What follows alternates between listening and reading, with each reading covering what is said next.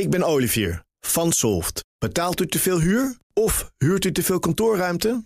Solft heeft de oplossing. Van werkplekadvies, huuronderhandeling tot de verbouwing. Wij ontzorgen u. Kijk voor al onze diensten op soft.nl.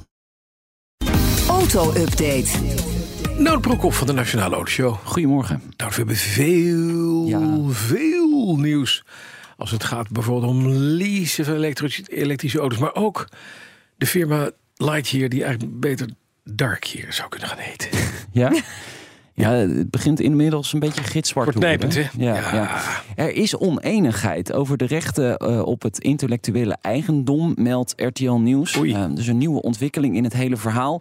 De patenten eh, van Lightyear zijn in september in onderpand gegeven aan investeerders die 81 miljoen euro in Lightyear staken. Waaronder eh, InvestNL, is een van de grote geldschieters.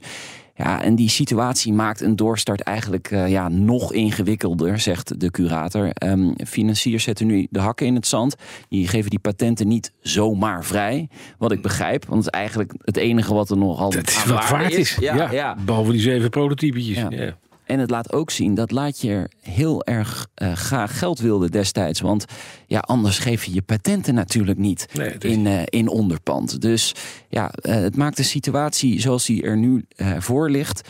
nog moeilijker om Ja. een doorstart van Lightyear te bewerkstelligen. Het is wel lastig hè, dat, er, dat er inderdaad dat alle kennis, want daar zit en, uiteindelijk het geld van, van Lightyear, dat dat nu misschien voor een habbekrats naar andere partijen gaat. Ja, of helemaal niet. Als die partijen echt eh, de hakken in het zand zetten en het niet eh, afstaan... Ja, dan, dan heb je echt een probleem. Ja, dat heb je een probleem. Ja, die moeten er dan ook wat mee om. Maar die hebben, dat, die hebben de patenten. Die Ja, hebben in ieder geval waarde. Ja, ze proberen er nu wel uit te komen, zegt de curator. Het feit dat het nu in de pers komt, zal ook niet zomaar zijn. Nee.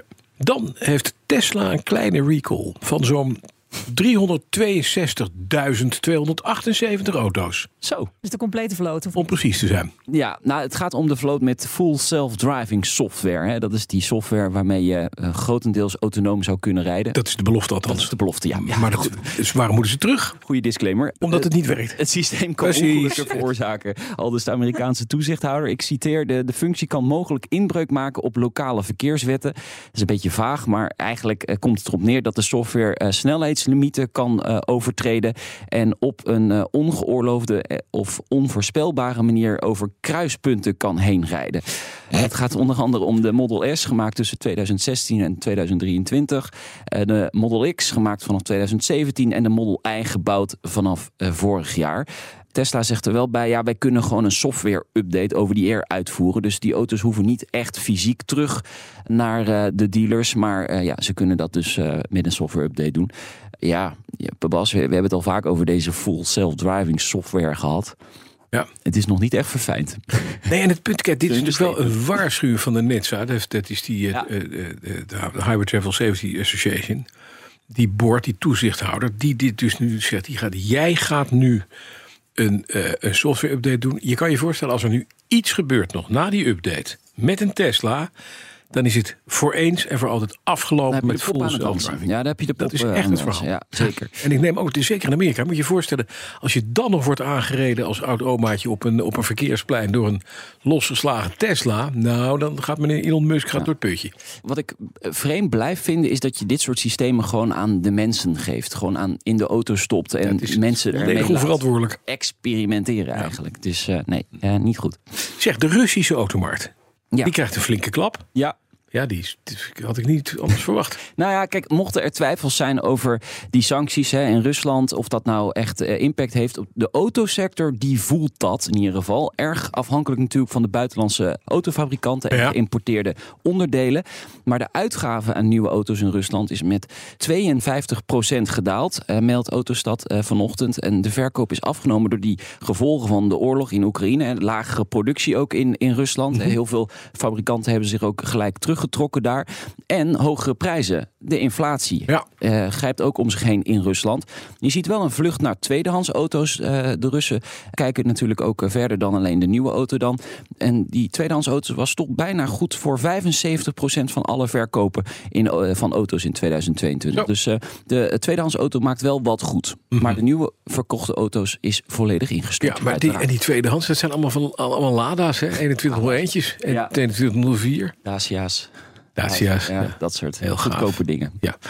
Volkswagen gooit de prijzen van zijn auto's met verbrandingsmotor omhoog. Ja, met ruim Kijk. 4 procent, meldt eh Automobielwoggen. We hebben de laatste week natuurlijk vaak de discussie gehad... eh, elektrische auto's worden goedkoper. Hè? Ja. Eh, Tesla heeft dat gedaan, Ford heeft het gedaan in Amerika. Volkswagen wil daar niet in mee... en verhoogt nu dus de prijzen voor verbrandingsmotoren. Ehm, eh, ze ontkomen niet aan de hoge inflatie, daar is hij weer. De prijsverhoging geldt voor alle modellen met een benzine- of een dieselmotor... Eh, bij de Golf en de T-Roc zelfs met meer dan 5% En eh, dit lijkt eigenlijk pas het begin, Bas. Want eh, met de nieuwe Euro 7 emissienormen in aantocht... zal het nog meer geld gaan kosten voor fabrikanten... om die benzine- en dieselmotoren aan te passen... waardoor de prijs verder... Omhoog wordt, omhoog gaat, precies. Ja.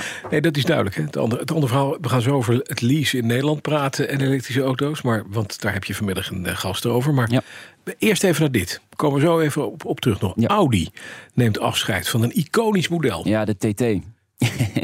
de sportauto bestaat eh, 25 jaar. Eh, het, is het einde is nu echt nabij. Waar moet de gemiddelde dameskapper dan in gaan rijden? Ja, dat is de grote vraag. Ehm, de verkoop van een model is natuurlijk de laatste jaren mm, ja, niet ingestort, maar werd steeds minder. De UK is een van de grootste markten voor de TT. Dus daar brengt Audi nu een eh, Final Edition uit. Een model met extra stylingselementen. En die is ook verkrijgbaar als Roadster. Natuurlijk ook als coupé, zoals we hem kennen. Of die eh, Final Edition ook naar Nederland komt, ja, dat is niet duidelijk.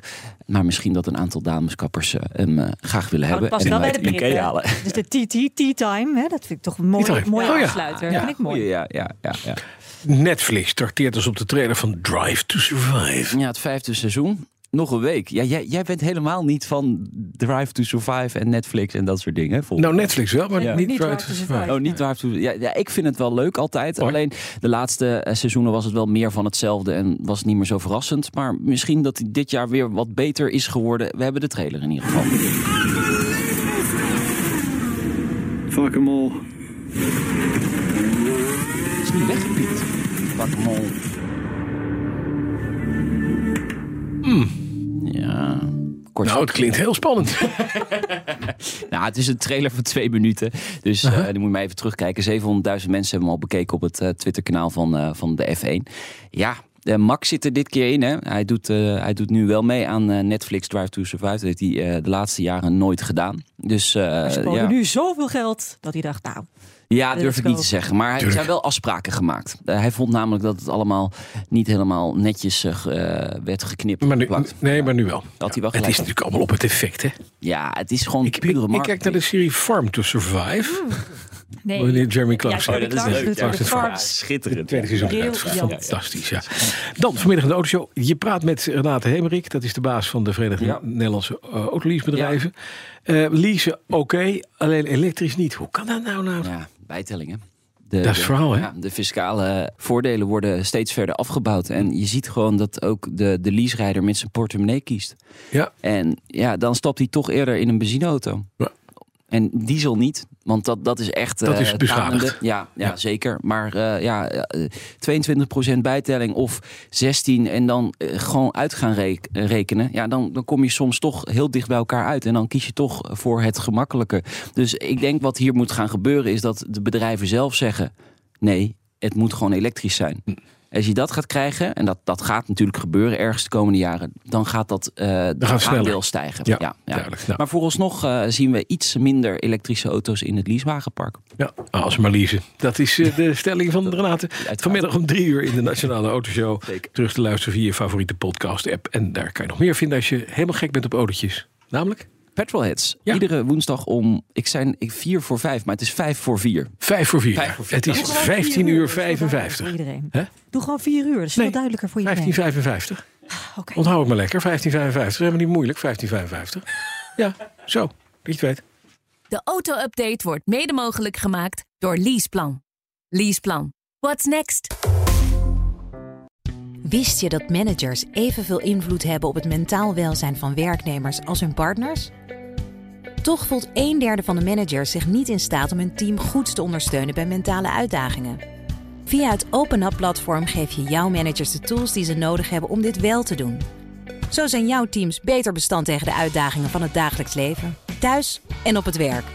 Benieuwd wat we voor jouw managers kunnen betekenen? Ga naar openup.nl/slash bedrijven. Let's open up!